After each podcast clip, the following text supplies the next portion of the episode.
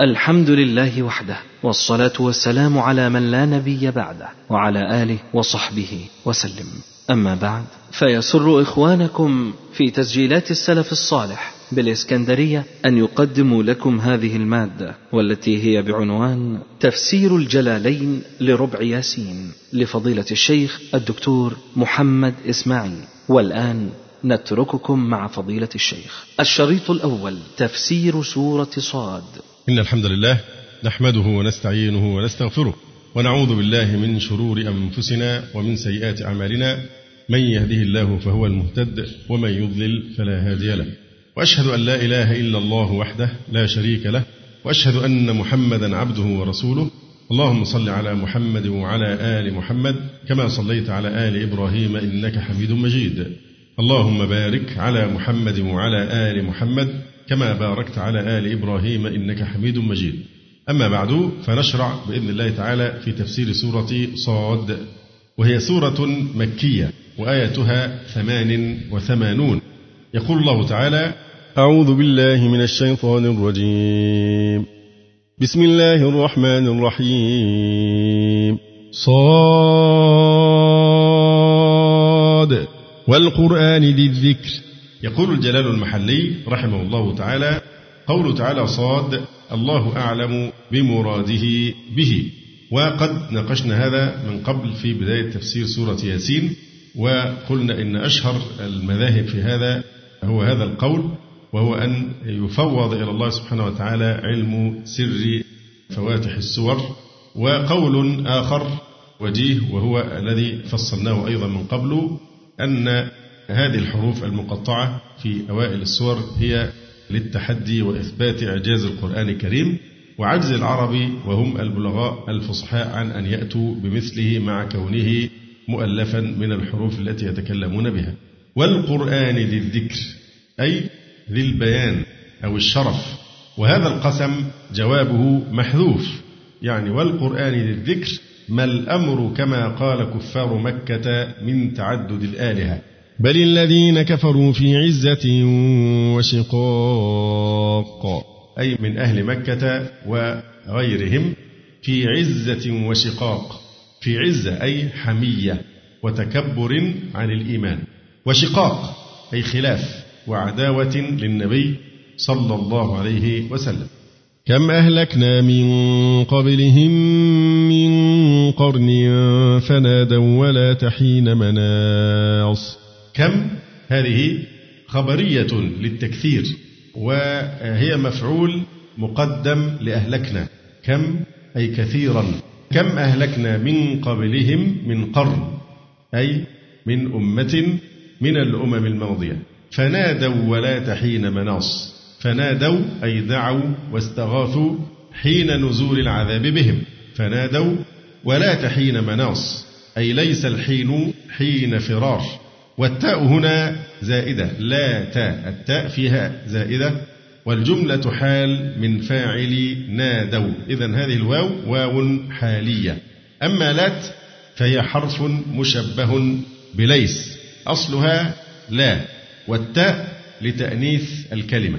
ولا تاء حين مناص. لا تاء هي من الحروف العاملات عمل ليس. مثل ما ولا وإن ولات فهي تعمل عمل ليس لشبهها بها في النفي. وكما ذكرنا ولات التاء لتأنيث الكلمة لأن أصلها لا وهي عند البصريين بمنزلة تاء الفعل. مثل ضربت ذهبت فكذلك لات لتأنيث تاء الفعل. والوقف عليها بالتاء ولات. ثم إن لات خصت بنفي الأحيان. يعني عمل لات عمل ليس هو إجماع من العرب لكن له شرطان. كي تعمل لات عمل ليس. لابد لها من شرطين. الأول كون معموليها اسم زمان. اسمها وخبرها لابد أن يكون اسمي زمان. الشرط الثاني أن يحذف أحدهما. والغالب هو حذف الاسم. فإذا في هذه الآية الكريمة ولا حين مناص يعني كأنه قال وليس الحين حين مناص. فلات نعربها حرف بمعنى ليس وكما قلنا له اسم وخبر أما الاسم فتقديره ولات الحين. وهذا هو المحذوف الاسم هو المحذوف كما قلنا إن هذا هو الغالب أن يحذف الاسم. ولا تلحين أي ليس الحين أما الخبر فهو قوله حين مناص. ولا تلحين حين مناص. يقول المحلي رحمه الله تعالى ولا تحين مناص أي ليس الحين حين فرار. والتاء زائدة والجملة حال من فاعل نادوا. يعني الجملة حالية والواو واو الحال. أي استغاثوا. والحال ألا مهرب ولا منجا وما اعتبر بهم كفار مكة. وعجبوا أن جاءهم منذر منهم وقال الكافرون هذا ساحر كذاب. يعني كفار مكة عجبوا أن جاءهم رسول من أنفسهم ينذرهم ويخوفهم النار بعد البعث وهو النبي صلى الله عليه وآله وسلم. وقال الكافرون هذا ساحر كذاب. قال الكافرون فيه وضع الظاهر موضع المضمر. لم يقل وقالوا وإنما أظهر الفاعل وقال وقال الكافرون والمقصود رصد كفرهم وإظهار صفة الكفر فيهم. وقال الكافرون هذا ساحر كذاب أي في دعواه النبوة. أجعل الآلهة إلها واحدا إن هذا لشيء عجاب. وهذا حين قال لهم صلى الله عليه وسلم قولوا لا إله إلا الله. فأجابوا أجعل الآلهة إلها واحدا كيف يسع الخلق كلهم إله واحد؟ إن هذا لشيء عجاب. أي عجيب. معنى عجاب أي بليغ في العجب. إن هذا لشيء عجاب. هذا الحديث مشار إليه في ضمن التفسير حين قال لهم النبي صلى الله عليه وسلم قولوا لا إله إلا الله فأجابوه إن هذا لشيء عجاب. وتعجبوا أجعل الآلهة إلها واحدا وهذا الحديث في هذا الأمر رواه الإمام أحمد والنسائي والترمذي وقال حديث حسن صحيح. وذلك أن قريشا شكوا النبي صلى الله عليه وسلم إلى أبي طالب فقال يا ابن أخي ما تريد من قومك؟ قال أريد منهم كلمة تدين لهم بها العرب تخضع لهم بها العرب وتؤدي إليهم العجم الجزية. قال كلمة واحدة. قال كلمة واحدة. فقال يا عم قولوا لا إله إلا الله. فقالوا إلها واحدا ما سمعنا بهذا في الملة الآخرة. إن هذا إلا اختلاق فنزلت الآيات. وهذا الحديث كما ذكرنا قال فيه الترمذي حسن صحيح ورواه الحاكم وصححه ووافقه الذهبي. وانطلق الملأ منهم أن امشوا واصبروا على آلهتكم إن هذا لشيء يراد. أي من مجلس اجتماعهم عند أبي طالب وسماعهم فيه من النبي صلى الله عليه وسلم قولوا لا إله إلا الله. وانطلقوا الانطلاق هنا بمعنى استمرار استمروا في هذا. وانطلق الملأ منهم يقول بعضهم لبعض امشوا امشوا يعني امضوا في طريق آبائكم امضوا واستمروا على ما أنتم عليه من الشرك الذي هو كان طريق آبائهم. وليس المقصود حقيقة المشي بالأقدام أن امشوا أي استمروا في طريق آبائكم وعلى ملتهم. واصبروا على آلهتكم اثبتوا على عبادتها. إن هذا إن هذا المذكور من التوحيد لشيء يراد لشيء يراد يعني شيء يراد منا أو يريده منا محمد صلى الله عليه وسلم من غير صارف يلويه وليس هو قولا يقال من طرف اللسان. لا ده رسول الله عليه السلام حينما يقول ذلك هو عن قصد وعن عمد فعلا يريد أن يلغي عبادة هذه الآلهة وأن نفرد الله سبحانه وتعالى بالعبادة. إن هذا لشيء يراد. هذا أمر يراد بنا فاحذروا أن تطيعوه. ما سمعنا بهذا في الملة الآخرة إن هذا إلا اختلاق. أي ما سمعنا بهذا التوحيد الذي ندعى إليه في الملة الآخرة أي ملة النصارى لأنهم مثلثة. لأن النصارى مثلثون فهم استدلوا بأقرب هذه الملل الكتابية إليهم فقالوا ما سمعنا بهذا في الملة الآخرة أي ملة النصارى لأن النصارى مثلثون وهم أيضا يوصفون بالشرك كما في آية سورة التوبة. أو ما سمعنا بهذا في الملة الآخرة يعني في ملة قريش التي أدركنا عليها آباءنا وهي أقرب الملل إليهم باعتبار ما كان عليه آباؤهم أي ملة قريش التي أدركنا عليها آباءنا. إن هذا إلا اختلاق أي ما هذا إلا كذب. أأنزل عليه الذكر من بيننا بل هم في شك من ذكري بل لما يذوقوا عذاب. أأنزل بتحقيق الهمزتين وتسهيل الثانية وإدخال ألف بينهما على الوجهين كما تكرر نظيره وبترك ذلك أيضا. أأنزل عليه الذكر أي القرآن من بيننا وليس بأكبرنا ولا أشرفنا. أي لما ينزل عليه لما ينزل عليه هو وقالوا لولا نزل هذا القرآن على رجل من القريتين عظيم. أهم يقسمون رحمة ربك؟ والله سبحانه وتعالى يقول هو ربك يخلق ما يشاء ويختار ما كان لهم الخيار. أأنزل عليه الذكر من بيننا بل هم في شك من ذكري بل هنا للإضراب والإضراب هنا عن مقدر. أي إنكارهم للذكر ليس عن علم. بل هم في شك منه يقولون في أنفسهم إما وإما. بل هم في شك من ذكري بل لما ذوقوا عذاب. إذا قوله تعالى بل هم هذا إضراب عن مقدر. فكأن في التفسير نقول إن إنكارهم للذكر ليس عن علم بل هم في شك منه. يقولون إما وإما إما أن يكون حقا من عند الله وإما أن يكون باطلا بل هم في شك من ذكري أي من وحيي أي القرآن حيث كذبوا الجائي به صلى الله عليه وسلم. بل لما يذوقوا عذابا بل لما يذوقوا أي لم يذوقوا عذاب. وعذاب طبعا محذوف منها الياء أي عذابي. ولو ذاقوه لصدقوا النبي صلى الله عليه وسلم فيما جاء به. ولا ينفعهم التصديق حينئذ لأنهم صدقوا مضطرين. يعني بل لما يذوقوا عذاب لأنهم لو ذاقوا عذاب الله سبحانه وتعالى لآمنوا. لكن هذا الإيمان لا ينفع لأنه إيمان عن اضطرار. ألجئوا إلى الإيمان وحصل لهم اليقين حيث لا ينفع اليقين. وقالوا ربنا أبصرنا وسمعنا فارجعنا نعمل صالحا.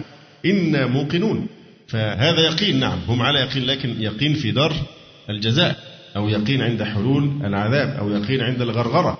إذا بلغت الروح الحلقوم فكل هذا الإيمان إيمان عن اضطرار والعبرة بالإيمان الذي يكون عن اختيار وتدبر وتأمل وانقياد.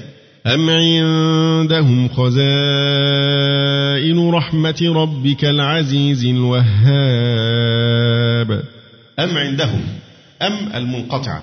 وهي تقدر ببل والهمزة. بل أعندهم خزائن رحمة ربك العزيز الوهاب العزيز الغالب الوهاب الكثير الهبات من النبوة وغيرها فيعطونها من شاء هل هم يملكون خزائن رحمة الله؟ هل هم الذين يهبون الخلق ويختارون ويضعون الربوة في موضعها حسب اختيارهم؟ كلا بل هذا لله وحده وربك يخلق ما يشاء ويختار ما كان لهم الخير. وقال تعالى الله أعلم حيث يجعل رسالته. أم لهم ملك السماوات والأرض وما بينهما فليرتقوا في الأسباب. إن زعموا ذلك فليرتقوا في الأسباب. إن زعموا أن لهم ملك السماوات والأرض وما بينهما فليرتقوا أي فليصعدوا في الأسباب. أي الموصلة إلى السماء فيأتوا بالوحي فيخصوا به من شاءوا يعني إن قدروا وهم لا يقدرون على ذلك. فهنا رد على قولهم أأنزل عليه الذكر من بيننا؟ بل هم في شك من ذكري بل لما يذوقوا عذاب. ثم قال تعالى أم عندهم خزائن رحمة ربك العزيز الوهاب فيهبون النبوة لمن شاءوا؟ أم لهم ملك السماوات والأرض وما بينهما فليرتقوا في الأسباب زعموا ذلك فهيا ما دامت السماوات والأرض وبينهما ملكا لكم فاصعدوا في أسباب السماوات. وأتوا أنتم بالوحي وخصوا به من شئتم وامنعوه عمن شئتم. والهمزة طبعا في أم للإنكار في الموضعين. جند ما هنالك مهزوم من الأحزاب. يعني بعد ذكر هذه الافتراضات وهي مجرد افتراضات لا ظل لها من الصحة شرع عز وجل يحقرهم ويدسيهم. جند ما هنالك مهزوم من الأحزاب. جند التنوين هنا للتقليل والتحقير. جند لأن الجند يكونون أتباعا مقلدين لا ينظرون في دليل ولا يتحرون علما وإنما هم منقادون لمن يأمرهم. جند ما فجند التنوين في حد ذاته هو للتقليل والتحقير. فإذا زيدت عليه ما فإنها تأتي لتأكيد هذه القلة. جند ما تصغير وتحقير وتقليل من شأنهم. أكد بما أي هم جند حقير؟ هنالك أي في تكذيبهم لك أو هنالك يعني في مكة أو يوم الفتح حينما يأتي يوم فتح مكة جند ما هنالك مهزوم من الأحزاب. مهزوم صفة لجند. من الأحزاب صفة لجند أيضا. أي كالأجناد من جنس الأحزاب المتحزبين على الأنبياء قبله. جند ما هنالك مهزوم من الأحزاب مثلهم كمثل الأحزاب التي تحزبت ضد الأنبياء قبلك وأولئك قد قهروا وأهلكوا فكذلك نهلك هؤلاء. ثم يقول تعالى كذبت قبلهم قوم نوح وعاد وفرعون ذو الأوتاد. يعني هنا يواسي الله سبحانه وتعالى نبيه صلى الله عليه وسلم كما هي سنة الله في مثل هذا الموضع يواسيه بما حصل للأنبياء من قبله كي يصبر كما صبروا. فاصبر كما صبر أولو العزم من الرسل. فالمقصود كذبت قبلهم قوم نوح يعني فلا تكترث ولا تبالي بما يقولون. وقوله تعالى كذبت قبلهم قوم نوح. الفاعل طبعا قوم فأنث لفظ قوم باعتبار المعنى يعني كذبت قبلهم جماعة نوح أو قوم نوح. فكذبت قبلهم قوم نوح وعاد وفرعون ذو الأوتاد. وعاد يعني في التفسير نقول وعاد قوم هود عليه السلام. وفرعون ذو الأوتاد. طيب لماذا لا نقول وقوم فرعون في التفسير؟ يعني فرعون بالذات دون العتاة من رؤوس الكفر والطواغيت جرى لفظ القرآني على إفراده بأنه من شدة تجبره كأن موسى أرسل إليه هو. حتى إما يذكر مفردا كما هنا وإما يذكر شعبه معه على سبيل الإيه؟ التبعية له فرعون وملئه. لكن لا يأتي قوم فرعون إنما فرعون أو فرعون وملئه على سبيل التبعية له. وعاد وفرعون ذو الأوتاد جمع وتد. وقيل وتد أو ود. كان يتد لكل من يغضب عليه أربعة أوتاد يشد إليها يديه ورجليه ويعذبه. وفي تفسير قوله تعالى وفرعون ذو الأوتاد قيل هو الملك الثابت. الأوتاد تعبير عن الملك الثابت وقيل ذو الأوتاد ذو الجموع الكثيرة لأن بعضهم يشد بعضا. وقيل الأوتاد المباني العظيمة والهياكل الثابتة الفخيمة وهذا مشاهد من آثار هؤلاء الفراعنة. وثمود وقوم لوط وأصحاب الأيكة أولئك الأحزاب. وثمود أي قوم صالح عليه السلام. وقوم لوط وأصحاب الأيكة أي أصحاب الغيضة وفي قراءة وأصحاب ليكة. والغيضة هي الشجر الكثير الملتف. وهم قوم شعيب عليه وعلى نبينا الصلاة والسلام. أولئك الأحزاب أي أولئك الكفار المتحزبون على رسلهم الذين جعل الجند المهزوم منهم. وهذه إشارة إلى قوله تبارك وتعالى جند ما هنالك مهزوم من الأحزاب. ثم قال هنا أولئك الأحزاب أي أولئك الكفار المتحزبون على رسلهم الذين جعل الجند المهزوم منهم والذين سبق ذكرهم آنفا. إن كل إلا كذب الرسل فحق عقاب. إن كل يعني ما كل إلا كذب الرسل. ما كل كل هنا تنوين إيه؟ إيه نوع التنوين؟ إجابة كاملة. عوض عن إيه؟ عن اسم. عن اسم أو كلمة اللي هي الأحزاب. إن كل أي كل من الأحزاب. إن كل إلا كذب الرسل.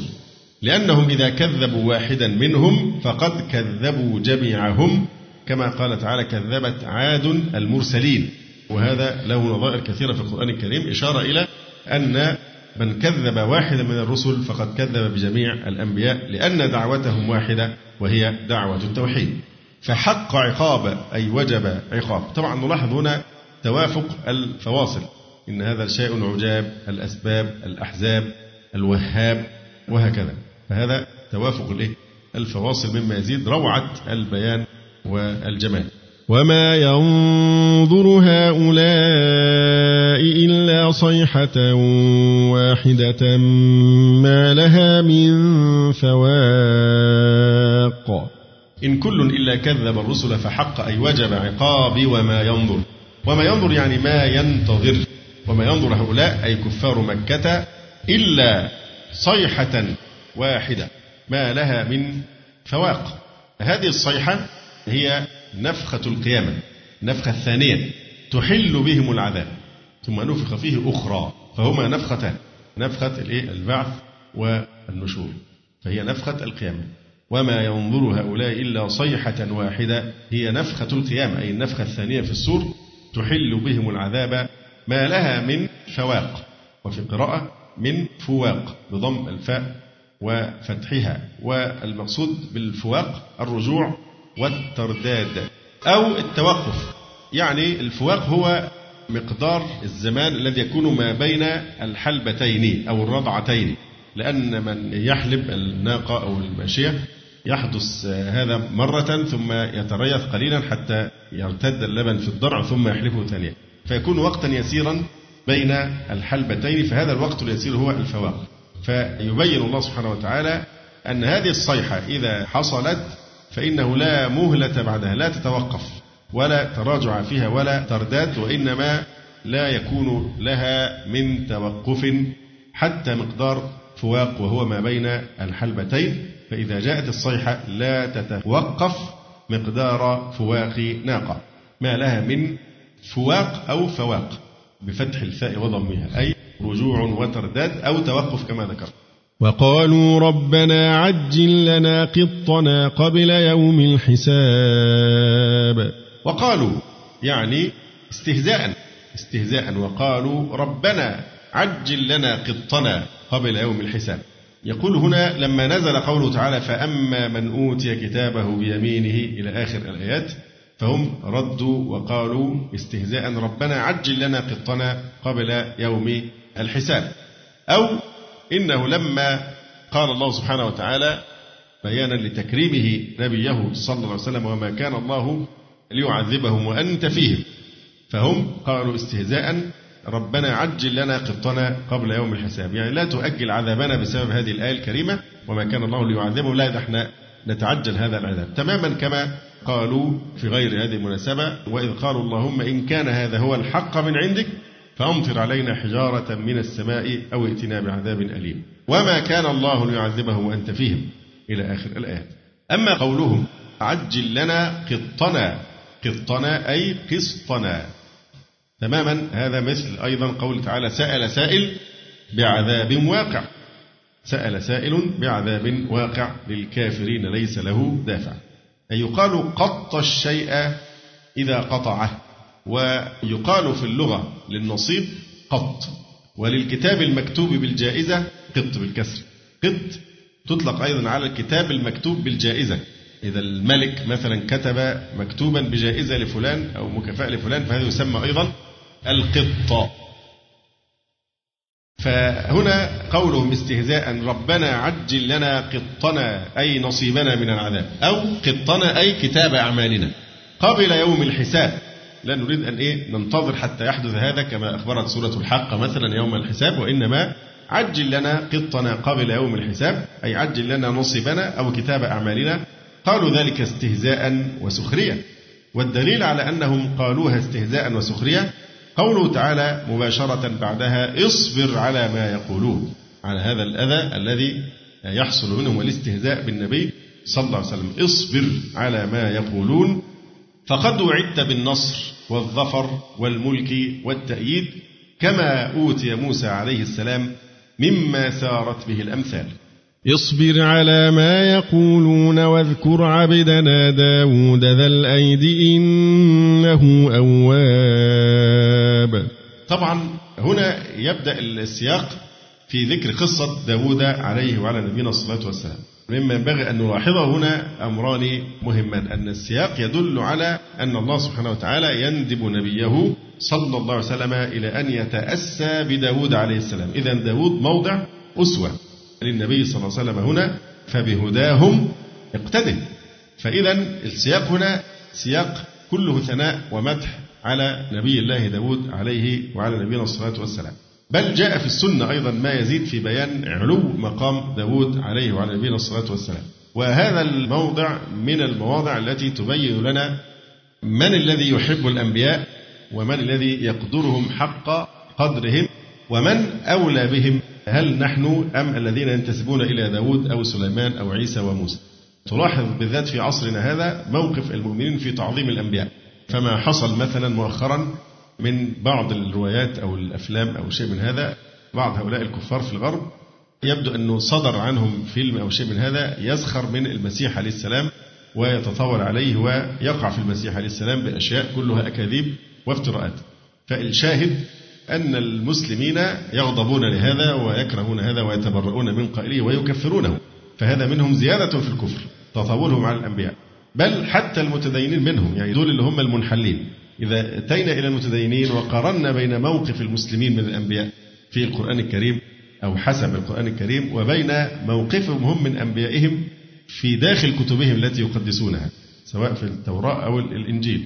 سنجد أقبح الشتائم وأخس الأوصاف مما يعافه أفسق الفاسقين. لا يقبل عن نفسه أن يوصف بهذه الأشياء التي وصفوا بها بعض الأنبياء أو بعض أنبيائهم من أنبياء بني إسرائيل. وهم لا يرون في ذلك أي غضاضة بل يزعمون نسبة هذا إلى الوحي الشريف الذي هو مبرأ مما يقولون. هذه الموقف بالذات في سورة صاد مما يوضح بجلاء تعظيم المسلمين للأنبياء. انظر إلى دفاع المفسرين عن الأنبياء. صحيح بعض المفسرين تأثر بالإسرائيليات حتى يوجد في الصدر الأول من التابعين بل بعض الصحابة يمكن أن ينقل عنهم بعض الإسرائيليات. متأولا أن هذا مما يجوز روايته عن بني إسرائيل كما جاء في الحديث وحدثه عن بني إسرائيل ولا حرج.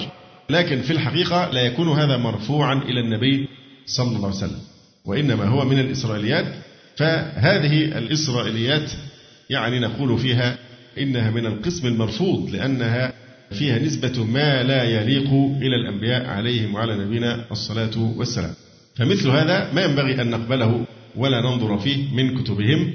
كما قال الشاعر الله أكبر إن دين محمد من خير أديان البرية دينا.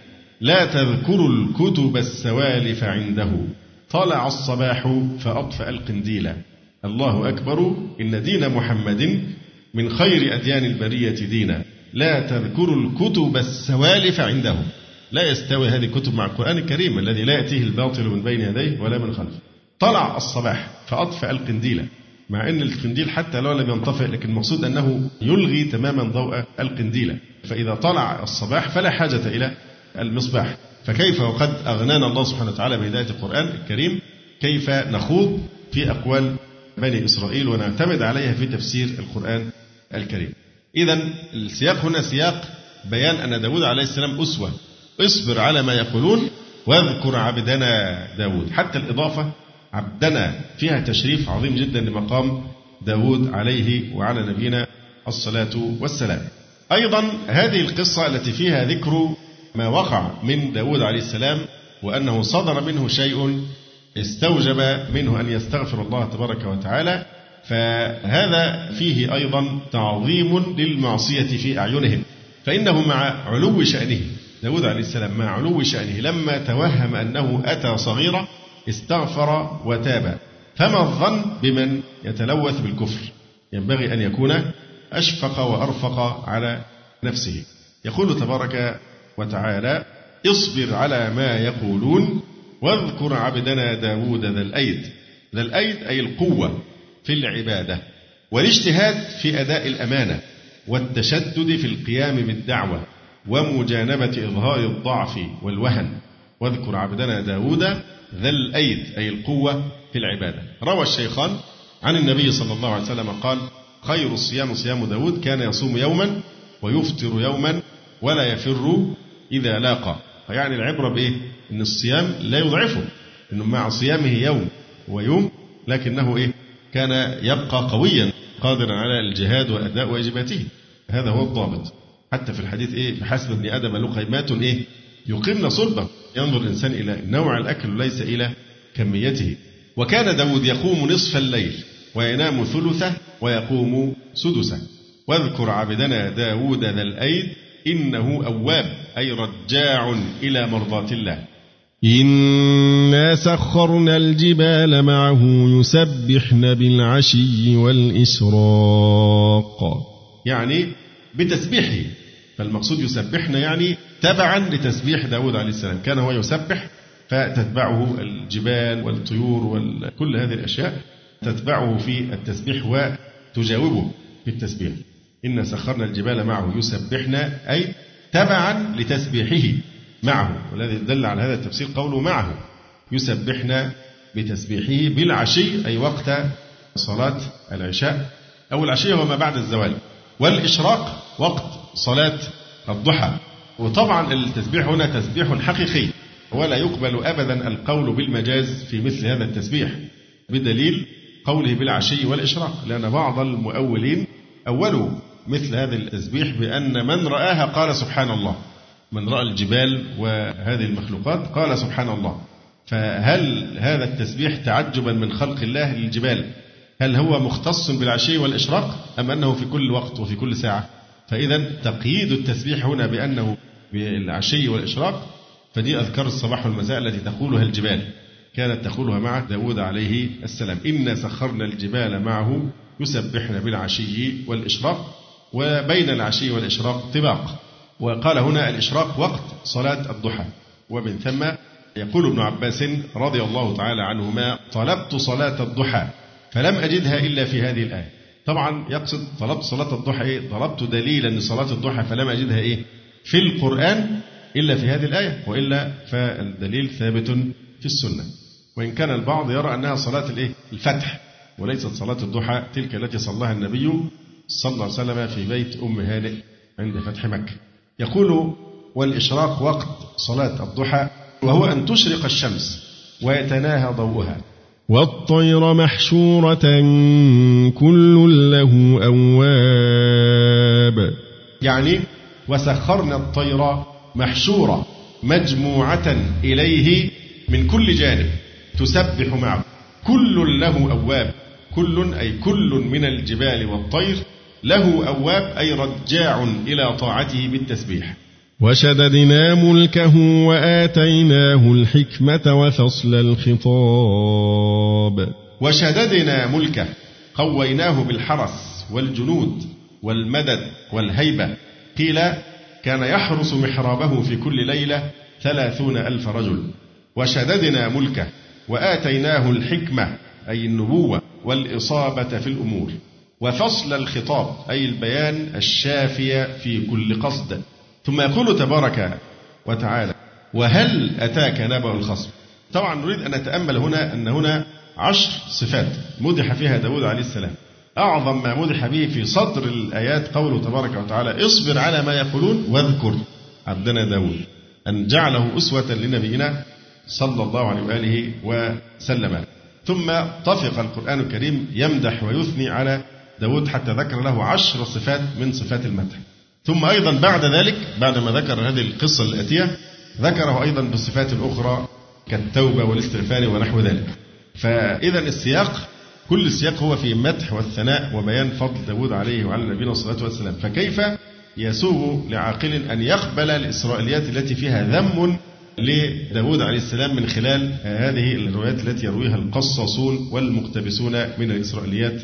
فهذا السياق ككل يرفض قبول مثل هذه الروايات ويحتم قبول ظاهر آيات القرآن على ما هي عليه دون ما احتياج إلى تأويلها بهذه الإسرائيليات. يقول الله تعالى وهل أتاك نبأ الخصم إذ تسوروا المحراب؟ طبعا هذا أسلوب تشويق. وهل أتاك نبأ الخصم؟ معنى الاستفهام هنا كما قلنا التعجيب والتشويق إلى استماع ما بعده. أتاك يا محمد صلى الله عليه وسلم نبأ الخصم. الخصم هنا مصدر يصلح للواحد والإثنين والجمع والمذكر والمؤنث. فجمعه حمل على المعنى لأنه قال وهل أتاك نبأ الخصم إذ تسوروا المحراب؟ يبقى كلمة خصم هنا مثل كلمة إيه؟ ضيف. هل أتاك حديث ضيف إبراهيم المكرمين؟ فجمعها نظرا للمعنى. أو الطفل الذين لم يظهروا على عورات النساء. وهل أتاك نبأ الخصم أي الخصوم إذ تسوروا المحراب؟ تسوروا أي ولجوه. المحراب تسوروا أي أتوه من أعلى السور. المحراب هو مقدم كل بيت وأشرفه. أو هو محراب داود أي مسجده حيث منع الدخول عليه من الباب لشغله بالعبادة. أي هل أتاك نبأ الخصم أي خبرهم وقصتهم إذ تسوروا المحراب؟ إذ دخلوا على داود ففزع منهم قالوا لا تخف خصمان بغى بعضنا على بعض فاحكم بيننا بالحق ولا تشطط واهدنا إلى سواء الصراط. ففزع منهم. اللي في حراس والحراس يمنعون الناس لأنه كان يقسم أيامه على عدة وظائف فكان هذا اليوم الذي يتفرغ فيه ويتخلى للعبادة. ففوجئ بهؤلاء يقفزون عليه من السور ويلجون عليه في محرابه فظن أنهم يريدون أن يغتالوه وهذا شيء ليس نادرا في سلوك بني إسرائيل. قتل الأنبياء هذه إيه؟ من جرائمهم. فربما خشي داود عليه السلام أن يكونوا يحاولون اغتياله أو قتله ولذلك فزع منهم وساء ظنه بهذين الخصمين. إذ تسوروا المحراب إذ دخلوا على داود ففزع أي خاف منهم قالوا لا تخف يعني لا تخف منا فلسنا فاتكين وإنما نحن خصمان. بغى بعضنا على بعض. قيل فريقان ليطابق ما قبله من ضمير الجمع. وقيل اثنان والضمير بمعناهما والخصم يطلق على الواحد وأكثر وهما رجلان خصمان حقيقيان أتياه في غير وقت القضاء ابتلاء. وقيل ملكان جاء في صورة خصمين وقع لهما ما ذكر على سبيل الفرض لتنبيه داود عليه السلام. وهذا شيء عجيب جدا لأن في قصة هنا مؤلمة تنسبها الإسرائيليات إلى داود عليه السلام. وهذا شائع للأسف الشديد في كثير من كتب التفاسير. تذكر أن داود عليه السلام أحب امرأة وطلب من زوجها أن ينزل له عنها. قصة باطلة لا أساس لها على الإطلاق من الصحة.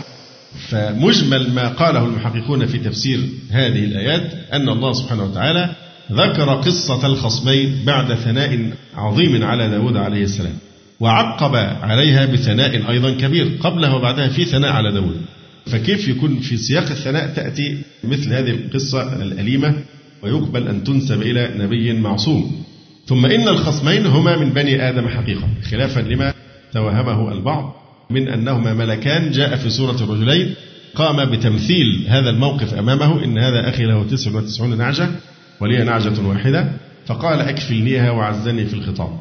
فلما حكم وقال لقد ظلمك بسؤال نعجتك إلى نعاجه إلى آخره فانتبه داود إلى موضع العبرة في هذه التمثيلية التي مثلها الملكان فحينئذ ظن داود أن ما فتناه إلى آخر الآيات واستغفر وأناب مما فعل. فالصحيح أن يحمل لفظ القرآن على ظاهره دون احتياج إلى أن نقول إنهما ملكان. أتيا ليمثل هذا الموقف أمامه ليأخذ منه العبرة بطريقة غير مباشرة. فهذان الخصمان هما فعلا خصمان من بني آدم حقيقة لا من الملائكة وقد اختصما فعلا. أيضا الخلاف بين الخصمين كان على نعجة حقيقية ليس على امرأة ولي نعجة واحدة. يعني امرأة. كما في التفسير المعتمد على الإسرائيليات أنه أراد بالنعجة المرأة. فالخلاف بين الخصمين كان على نعجة حقيقية لأنهما من رعاة الشاء وليس المراد هنا بالنعجة المرأة. لأن الأصل في الإطلاق الحقيقة ولم يرد ما يصرف عنها. أما قوله تعالى وظن داود أن ما فتناه فاستغفر ربه. فالفتنة والاستغفار المراد منهما أن دخول الخصمين عليه وهو في محرابه. في غير مجلس القضاء هو اختبار له وامتحان لبيان ما إذا كان سيقضي بينهما أم سيغضب عليهما ويطردهما لإفزاعهما له ومخالفتهما آداب الدخول. ولكنه رغم فزعه منهما لم يؤنبهما ولم يعاقبهما بل كظم غيظه واستمع إلى شكواهما وفصل بينهما. ثم بعد انصرافهما أدرك عليه السلام أن هذا كان فتنة وابتلاء فاستغفر ربه. ولا إشكال في الاستغفار لأن استغفار النبي لا يلزم أن يكون عن ذنب أو معصية. فرسول الله صلى الله عليه وسلم كان يستغفر الله ويتوب إليه في اليوم مئة مرة كما في صحيح مسلم. فهو لرفع درجات الأنبياء. فمن المؤلم أن تخفى أمثال هذه الحقائق على بعض المفسرين الذين أكثروا نقل القصص الباطلة في حق الأنبياء. كيوسف وموسى وداود وسليمان وعيسى بل ورسول الله محمد صلى الله عليه وسلم. وفسروا القرآن بما لا يقبله عقل سليم فضلا عن عدم ثبوته في كتاب أو سنة من غير أن يبينوا ذلك للناس. إن هذا أخي له تسع وتسعون نعجة ولي نعجة واحدة فقال أكفلنيها وعزني في الخطاب. إن هذا أخي يعني على ديني له تسع وتسعون نعجة. النعجة هي أنثى الضأن وهي نعاج حقيقية وقيل يعبر بها عن المرأة ولا وجه لهذا القول هنا. إن هذا أخي له تسع وتسعون نعجة ولي نعجة واحدة يعني فلم ينظر إلى غناه عنها ولا إلى افتقاري إليها بل أراد التغلب علي فقال أكفلنيها وعزني في الخطاب. إن هذا أخي له تسع وتسعون نعجة ولي نعجة واحدة فلم ينظر إلى غناه عنها لأنه يملك تسعة وتسعين نعجة ولم ينظر إلى افتقاري أنا إلى نعجة واحدة فقال أكفلنيها أي اجعلني كافلها يعني ملكنيها وعزني أي غلبني في الخطاب أي في الجدال وأقره الآخر على ذلك. يعني الآخر أقره على أنه فعلا يطمع في هذه النعجة الواحدة ليضمها ويكمل بها المئة. قال لقد ظلمك بسؤال نعجتك إلى نعاجه وإن كثيرا من الخلطاء ليبغي بعضهم على بعض إلا الذين آمنوا وعملوا الصالحات وقليل ما هم وظن داود أنما فتناه فاستغفر ربه وخر راكعا وأناب. لقد ظلمك بسؤال أي بسؤاله إياك نعجتك. لقد ظلمك سؤال نعجتك ليضمها إلى نعاجه. طبعا قوله فقال أكفلنيها كما قلنا يعني اجعلني كافلها أو ملكنيها فأكفلنيها يعني اجعلها كفلي كفلي يعني نصيبي بالتمليك. يعني أكفلنيها وعزني غلبني في الخطاب أي الجدال. وأقره الآخر على ذلك فقال داود لقد ظلمك بسؤال نعجتك يعني ليضمها إلى نعاجه وإن كثيرا من الخلطاء أي الشركاء المتخالطين في شؤونهم والخلطاء جمع خليط. لا يبغي بعضهم على بعض. هذه اللام هي اللام الإيه؟ وإن كثيرا من الخلطاء لا يبغي المزحلقة. لا يبغي بعضهم على بعض. يعني بغي الأعداء. أحيانا الشركاء والخلطاء يبغي بعضهم على بعض كأنه مش شريكه لا كأنه إيه؟ عدوه يكيده يبغي بعضهم على بعض بغي الأعداء مع أن من واجب حقهم النصف على الأقل إن لم يقوموا بفضيلة الإيثار. إن لم يكن إيثار فعلى الأقل الإنصاف والعدل. ثم استثنى فقال إلا الذين آمنوا وعملوا الصالحات وقليل ما هم. فما أيضا هنا لتأكيد القلة. قيل فقال الملكان يعني صاعدين في صورتيهما إلى السماء قضى الرجل على نفسه. الملكين في هذه اللحظة في زعم الروايات الإسرائيلية صعد إلى السماء لما داود عليه السلام قال إيه؟ وإن كثيرا من الخلطاء لا يبغي بعضهم على بعض إلا الذين آمنوا وعملوا الصالحات وقليل ما هم فصعد في صورتيهما إلى السماء وهما يقولان قضى الرجل على نفسه. فتنبه داود للعبرة المقصودة من هذا الحوار. قال تعالى وظن داود أن ما فتناه. ظن هنا بمعنى أيقن. أيقن داود أن ما فتناه يعني أوقعناه في فتنة أي بلية وهي بلية تلك الحكومة. بدخول الخصمين في محرابه عليه. أما القول بأن الفتنة كانت بمحبته تلك المرأة فباطل كما بينا وكما سنزيد ذلك إن شاء الله تعالى بيانا. فاستغفر ربه وخر راكعا وأناب فاستغفر ربه. طبعا القاضي كنعان هنا يقول لا إشكال في الاستغفار. يعني هو ما فيش إشارة إلى ذنب معين فعله داود عليه السلام فبالتالي لا ينبغي الاستدلال بقوله فاستغفر ربه أنه فعل شيئا يستوجب الاستغفار لأن استغفار النبي لا يلزم أن يكون عن ذنب أو معصية. الشيخ جميل زين رحمه الله تعالى يعلق على هذا ويقول إن قول المؤلف لا إشكال في الاستغفار فإن استغفار النبي لا يلزم أن يكون عن ذنب أو معصية يفهم منه أن داود عليه السلام لم يفعل شيئا يستوجب الاستغفار. وهذا يرده القرآن الكريم القائل وظن داود أنما فتناه في فتنة أو بلية فاستغفر ربه وخر راكعا وأناب. ومعنى ذلك أن داود قد حصل منه شيء يستوجب الاستغفار ويستحق المغفرة. ولذلك جاء التعقيب قوله تعالى إيه؟ فغفرنا له ذلك. ولم يقل هذا عن رسول الله محمد صلى الله عليه وسلم. فكلمة فغفرنا له ذلك إشارة إلى حصول شيء يستوجب الاستغفار. ما هو هذا الشيء؟ في الإسرائيليات هو تسببه في قتل زوج أوريا رجل مسمى أوريا زوج هذه المرأة نرسله إلى الجهاد. سوف نذكر التفاصيل يعني حتى يقتل فيتزوج امرأته. وهذا باطل قطعا كما ذكرت لكن اختلفوا ما هو الذي فعله داود عليه السلام؟ إما أنه ابتلاه الله سبحانه وتعالى بهذه الحكومة الخصومة التي حصلت وأنه هل سيغضب من هذين الرجلين أم أنه سيقضي بينهما؟ فهذا ابتلاء. قيل إن الذي فعله داود عليه السلام وعد ذنبا في حقه وهو من باب حسنات الأبرار سيئات المقربين هو أنه أساء الظن بالرجلين أنهما تسور عليه في المحراب ليقتلاه وكان هذا شائعا من بني إسرائيل في حق أنبيائهم عليهم وعلى نبينا الصلاة والسلام.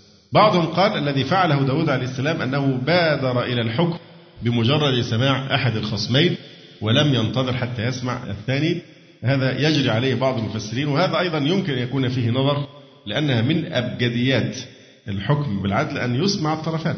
فمثل هذا لا يغيب عن داود عليه السلام وهو منزه عن هذا أيضا. وإن كان أخف من الكلام في قصة امرأة أوريا. وإن كثيرا من الخلطاء لا يبغي بعضهم على بعض إلا الذين آمنوا وعملوا الصالحات وقليل ما هم. وظن داود أنما فتناه فاستغفر ربه. لماذا بقى؟ استغفر ربه إما لأنه قضى قبل أن يسمع الطرف الآخر وهذا يستبعد أو لسوء ظنه بالرجلين أنهما أتيا لقتله. وهذا من باب حسنات الأبرار سيئات المقربين. وخر راكعا راكعا هنا بمعنى ساجدا راكعا ساجدا وأناب.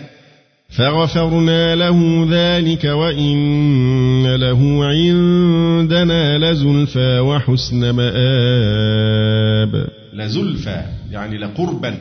أو لزيادة خير في الدنيا. وحسن مآب أي مرجع في الآخرة. يا داود إنا جعلناك خليفة في الأرض فاحكم بين الناس بالحق ولا تتبع الهوى ولا تتبع الهوى فيضلك عن سبيل الله. إن الذين يضلون عن سبيل الله لهم عذاب شديد بما نسوا يوم الحساب إنا جعلناك خليفة في الأرض تدبر أمر الناس فاحكم بين الناس بالحق ولا تتبع الهوى هوى النفس فيضلك عن سبيل الله عن الدلائل الدالة على توحيده إن الذين يضلون عن سبيل الله أي عن الإيمان بالله لهم عذاب شديد بما نسوا. ما هنا مصدرية يعني بنسيانهم يوم الحساب المرتب عليه تركهم الإيمان ولو أيقنوا بيوم الحساب لآمنوا في الدنيا. هنا من أول قوله تعالى يا داود إنا جعلناك خليفة في الأرض فاحكم بين الناس بالحق ولا تتبع الهوى فيضلك عن سبيل الله. ثم استعمل سبحانه وتعالى أسلوب الإيه؟ الإطناب إن الذين يضلون عن سبيل الله لهم عذاب شديد بما نسوا يوم الحساب. هذا أسلوب فيه إيه؟ إطناب. نتوقف قليلا مع هذه القصة عن داود عليه السلام من خلال كلام بعض المفسرين. مثلا الدكتور وهب الزحيلي يقول ويجب أن تفهم هذه القصة قصة المحاكمة على النحو الظاهري المبين في القرآن الكريم. وأن تستبعد الإسرائيليات منها لمناقضتها مبدأ عصمة الأنبياء. فقد روي في الإسرائيليات أن داود عليه السلام وقع بصره على امرأة تستحم فأعجبته وعشقها وكانت زوجة أحد قواده واسمه أوريا الحثي فأراد أن يتخلص منه ليتزوج بها فأرسله في إحدى المعارك وحمله الراية وأمره بالتقدم فانتصر فأرسله مرارا. ليتخلص منه حتى قتل فتزوجها. قال البيضاوي هذا هزء وافتراء. ولذلك قال أمير المؤمنين علي رضي الله عنه من حدث بحديث داود على ما يرويه القصاص جلدته مئة وستين وهو حد الفرية على الأنبياء. يعني يجلده حد الكذب إيه؟ مضاعفا. وأبطل الرزي هذه الحكاية المفترى بوجوه ثلاثة ملخصها. الأول أن هذه الحكاية لو نسبت إلى أفسق الناس وأشدهم فجورا لاستنكف منها. الثاني أن حاصل القصة يرجع إلى أمرين السعي في قتل رجل مسلم بغير حق وإلى الطمع في زوجته وكلاهما منكر. الثالث أن الله سبحانه وتعالى وصف داود عليه السلام قبل ذكر هذه القصة بصفات عشر وصفه بالصبر. اصبر على ما يقولون واذكر عبدنا داود. فوصفه بإيه؟ بالصبر موضع الأسوة الصبر. وصفه بالعبودية. عبدنا داود وهذا تشريف له كقوله تعالى سبحان الذي أسرى بعبده ليلا. فمعنى ذلك أنه حقق معنى العبودية بسبب اجتهاده في طاعة الله تعالى. أيضا وصفه بالقوة على أداء الطاعة والاحتراز عن المعاصي. واذكر عبدنا داود ذا الأيد القوة كل أنواع القوة. وصفه بأنه رجاع إلى طاعة الله في أموره كلها فقال إنه أواب. وصفه بأن الجبال والطير كانت تسبح معه. إنا سخرنا الجبال معه يسبحن بالعشي والإشراق. يا جبال أوبي معه والطير كما في سورة سبأ. وقال تعالى والطير محشورة كل له أواب. ووصفه بقوة الملك وشددنا ملكه. وآتيناه الحكمة وصفه بإيتائه الحكمة.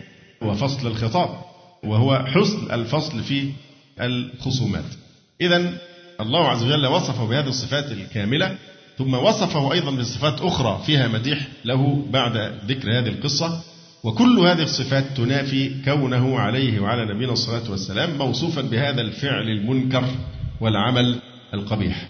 أما الرواية الصحيحة لهذه القصة فهي أن داود عليه السلام كان يقسم وقته الأسبوعي أثلاثا ثلث لشؤون الملك وثلث للقضاء بين الناس وثلث آخر للخلوة والعبادة وترتيل الزبور في المحراب. قال ابن عباس جزأ أزمانه أربعة أجزاء يوما للعبادة ويوما للقضاء ويوما للاشتغال بخواص أموره ويوما لجميع بني إسرائيل فيعظهم ويبكيهم. فجاءوه في غير القضاء ففزع منهم لأنهم نزلوا عليه من فوق. وفي يوم الاحتجاب والحرس حوله. لا يتركون من يدخل عليه فخاف أن يؤذوه. فتجاوز خصمان هذا النظام وتسوروا عليه المحراب من فوق الجدار طلبا للمحاكمة في غير موعدها. ففزع منهما وظن أنهما جاء لاغتياله وهو منفرد في محرابه لعبادة ربه. والخصمان بشران لا ملكان والنعاج المواشي لا النساء إلا أنه بادر إلى الحكم والقضاء قبل سماع بينة الخصم الآخر. فعاتبه الله على ذلك ونبهه إلى وجوب تثبت القاضي وسماع الخصم الآخر قبل إصدار الحكم. وهذا أيضا كما ذكرنا مع أنه أخف من قصة امرأة أوريا أخف لكنه أيضا لا يليق بداود عليه السلام أن يقال إنه يحكم قبل أن يسمع الخصم الآخر لأنه من المبادئ الأولية في الحكم التي لا تترك. يقول الدكتور الزحيلي إن الظاهر أن الذنب هو هم داود الانتقام من هذين الشخصين اللذين ظن أنهما يقصدان اغتياله فاصطنع هذه الخصومة لأنهما رأي أن الحرس سيقتلونهما ولن يفلت من العقاب. ثم رأى داود أن العفو والصفح أقرب لمقام النبوة فاستغفر ربه مما كان قد عزم عليه من الانتقام. أيضا يقول لم يكن خطأ داود عليه السلام في أنه قضى لأحد الخصمين قبل سماع كلام الآخر. فهذا من أصول الحكم التي لا يمكن تجاوزها. قال ابن العربي وهذا مما لا يجوز عند أحد ولا في ملة من الملل ولا يمكن ذلك للبشر وإنما تقدير الكلام أن أحد الخصمين ادعى والآخر سلم في الدعوة. يعني ما نزعه. هو لما قال إن هذا أخي له تسع وتسعون نعجة ولي نعجة واحدة فقال أكفلنيها وعزني في الخطاب تلاحظون من دقة الجلال المحلي قال إيه؟ وسلم له الآخر الدعوة لم يعارض. فمن ثم قال لقد ظلمك بسؤال نعجتك إلى نعجة. لأن الطرف المدعى عليه إيه؟ سلم بالدعوة. والاعتراف إيه؟ سيد الأدلة. سلم بالدعوة. يقول القاضي ابن العربي وإنما تقدير الكلام أن أحد الخصمين ادعى والآخر سلم في الدعوة فوقعت بعد ذلك الفتوى. وقد قال النبي صلى الله عليه وسلم لعلي رضي الله عنه إذا جلس إليك الخصمان فلا تقضي لأحدهما حتى تسمع من الآخر. هنا أيضا في كتاب بدع التفاسير كلام جيد في الحقيقة في نفس هذه الواقعة. يقول قوله تعالى وهل أتاك نبأ الخصم؟ خبرهم. إذ تسوروا المحراب محراب داود عليه السلام. وهو مسجده الذي أعده للصلاة في بيته. وكان قد رتب أيام الأسبوع فجعل يوما للقضاء بين الناس ويوما لأهله ويوما ينظر في شؤون معايشه. لأنه كان يأكل من عمل يده كما جاء في الحديث الصحيح ما أكل أحد طعاما قط خيرا من أن يأكل من عمل يده. وإن نبي الله داود عليه الصلاة والسلام كان يأكل من عمل يده وكان عمل داود صنعة الدروع التي تلبس في الحروب وعلمناه صنعة لبوس لكم لتحصنكم من بأسكم. وجاء الخصوم في العبادة فمنعهم الحرس من الدخول وهم مستعجلون يريدون الفصل في قضيتهم. فتسوروا المحراب. إذ دخلوا على داود ففزع منهم حيث نزلوا من جهة السقف وظن أنهم يريدون به شرا. إذ الملك لا يخلو في العادة ممن يقصده بشر من رعاياه. قالوا لا تخف لا نقصدك بشر. نحن خصمان أي فريقان أو شخصان. كانت بيننا مشاركة في نعاج واختلفنا فيها بحيث بغى بعضنا على بعض. فاحكم بيننا بالحق ولا تشطط لا تجر. وطبعا هذا تعبير فيه جفاء. لا يليق بمقام النبوة. لا يليق بمقام النبوة أن يقول فيعني بالمرة بقى إيه؟ إذا كان قفزوا عليه وروعاه صور عليه وروعاه.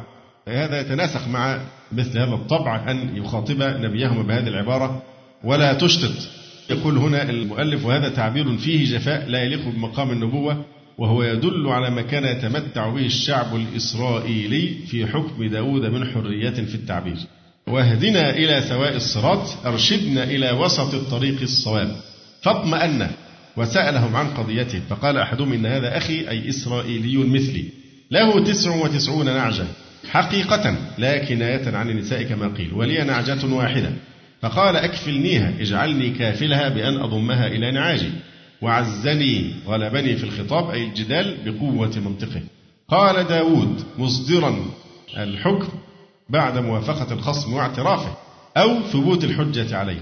لقد ظلمك بسؤال نعجتك ليضمها إلى نعاجه. وإن كثيرا من الخلطاء الشركاء لا يبغي بعضهم على بعض إلا الذين آمنوا وعملوا الصالحات فلا يبغون والبغي الظلم. وقليل ما هم. هذا لتأكيد القلة. وظن أيقن داود أن ما فتناه ابتليناه بالفزع الذي حصل حين تسور الخصوم عليه المحراب. وما كان ينبغي له الفزع من المخلوق وهو في حضرة الخالق وعبادته. فاستغفر ربه من فزعه الذي لا يليق به. ده تفسير ثاني استغفر ربه من فزعه الذي لا يليق به وهو بين يدي الله في العبادة. وخر راكعا أي ساجدا وأناب أي رجع إلى الله تعالى. فتبين من سياق القصة أنه كانت خصومة بين شركاء في نعاج حقيقة وأنه لم يحصل من داود قبلها ما يستوجب لومه أو عتابه. وكل ما حصل منه خوفه من الخصوم الذين تسوروا عليه المحراب. والخوف غريزة بشرية. فقد قال موسى وهارون من قبله وهما أفضل. ربنا إننا نخاف أن يفرط علينا أو أن يطغى. وما من رسول إلا وقد خاف إذاية قومه. غير أنه اعتبر فزعه من المخلوق وهو بين يدي الخالق لا يليق بمنصبه الكريم وعده ابتلاء وامتحانا فاستغفر الله منه. ومن التفاسير ما ذكره كثير من المفسرين أنه نظر من طاق في بيته فرأى امرأة عريانة تغتسل فأعجبته فسأل عنها فقيل له إنها امرأة شخص يقال له أوريا فبعثه إلى حرب وأمر بأن يحمل التابوت. وكان حامل التابوت لا يحل له أن يرجع حتى ينتصر الجيش أو يقتل. فانتصر الجيش وعاد أوريا فبعثه مرة ثانية وثالثة فقتل فتزوج امرأته وكان له تسع وتسعون امرأة. وقيل بل كانت خطيبة أوريا فبعث داود يخطبها ولم يعلم بخطبتها. فآثره أهلها على خطيبها الأول فزوجوها له وهي أم سليمان. وبعث الله إليه ملكين في صورة رجلين يختصمان في نعاج كانا بها عن الزوجات. فلما قضى صعد إلى السماء وهما يقولان قضى الرجل على نفسه فأدرك خطأه وتاب. وهذه القصة مأخوذة عن الإسرائيليات وفيها مساس بمقام النبوة وخدش للعصمة الواجبة للأنبياء. وقال بعضهم في خطأ داود إنه قضى للخصم قبل أن يسمع كلام خصمه.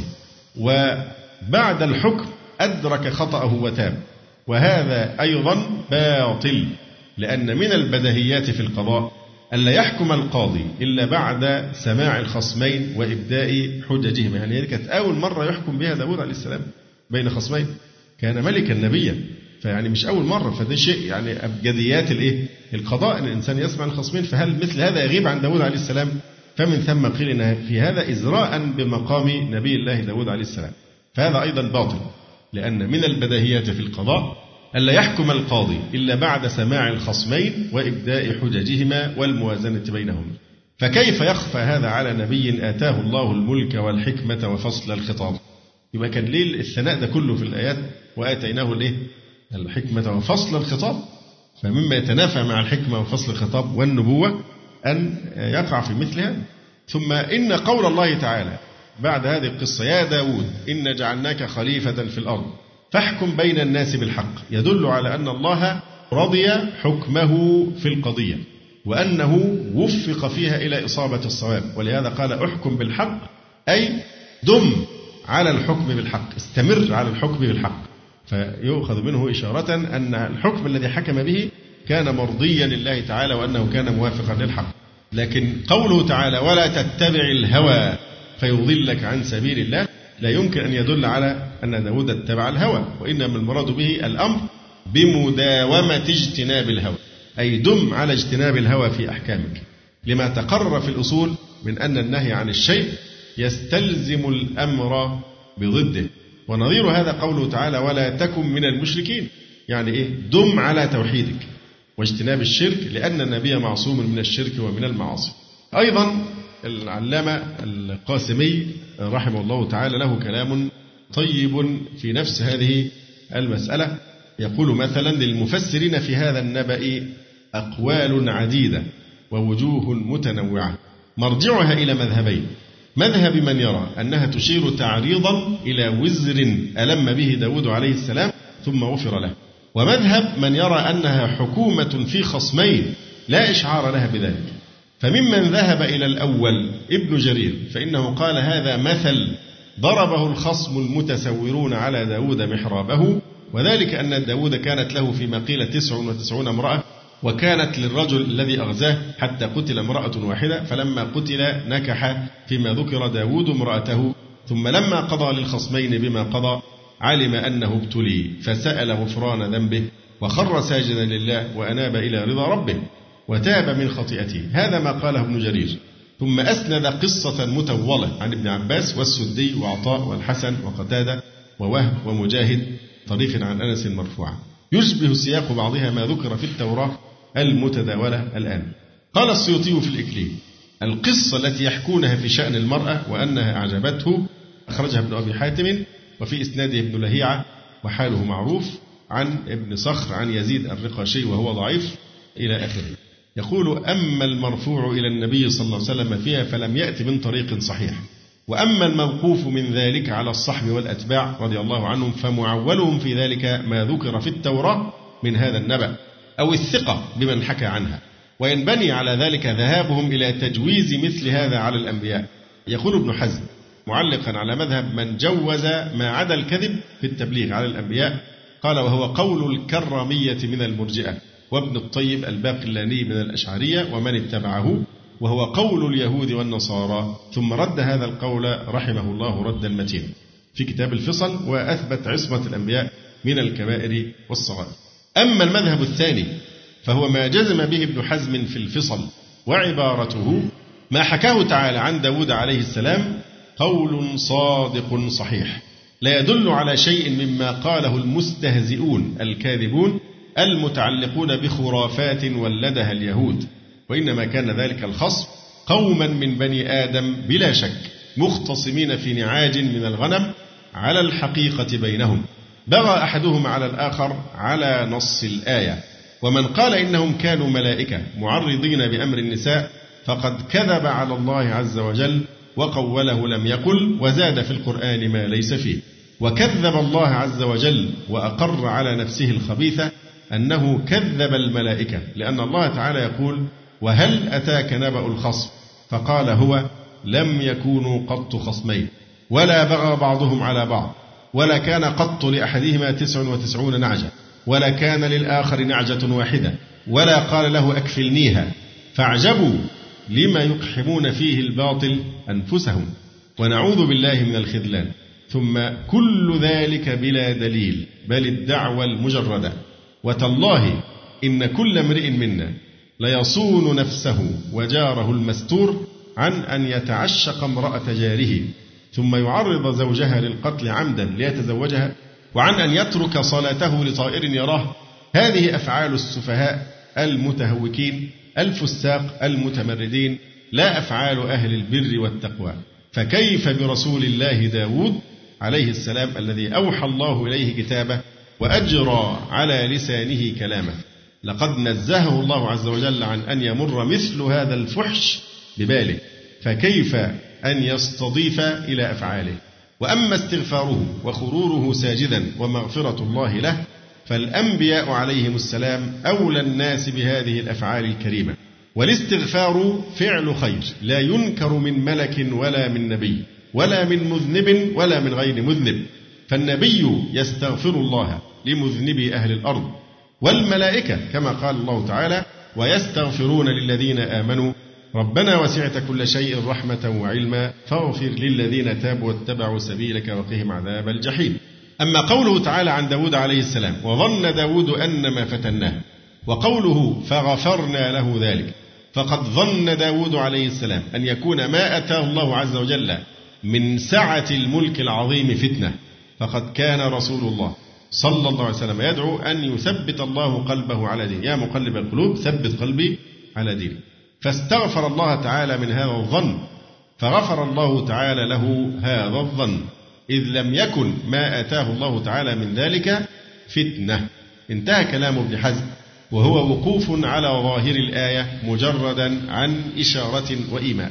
وقال البرهان البقاعي في تفسيره وتلك القصة وأمثالها من كذب اليهود ثم قال وأخبرني بعض من أسلم منهم أنهم يتعمدون ذلك في حق داود عليه السلام لأن عيسى عليه السلام من ذريته ليجدوا سبيلا إلى الطعن فيه نفس الكلام في الحقيقة قاله القاضي عياض وقاله الإمام الحافظ ابن كثير رحمه الله تعالى. يروي أن عمر بن عبد العزيز حدث بنبأ داود على ما يرويه القصاص وعنده رجل من أهل الحق فكذب المحدث به. يعني الرجل الجالس كذب القصاص الذي حكى هذه القصة. فقال إن كانت القصة على ما في كتاب الله فما ينبغي أن يلتمس خلافها وأعظم بأن يقال غير ذلك. وإن كانت على ما ذكرته وكف الله عنها سترا على نبيه فما ينبغي إظهارها عليه. فقال عمر لسماعي هذا الكلام أحب إلي مما طلعت عليه الشمس.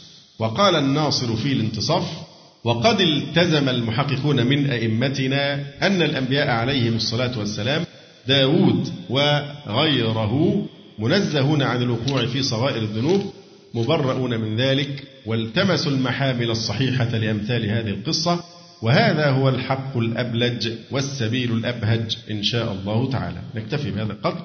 أقول قولي هذا وأستغفر الله لي ولكم. سبحانك اللهم ربنا وبحمدك. أشهد أن لا إله إلا أنت. أستغفرك وأتوب إليك. وفي الختام تقبلوا تحيات إخوانكم في تسجيلات السلف الصالح بالإسكندرية. هاتف رقم صفر ثلاثة فاصل أربعة تسعة أربعة سبعة ستة خمسة اثنان. والتليفون محمول صفر عشرة واحد ستة أربعة واحد تسعة ثمانية صفر. والسلام عليكم ورحمة الله وبركاته.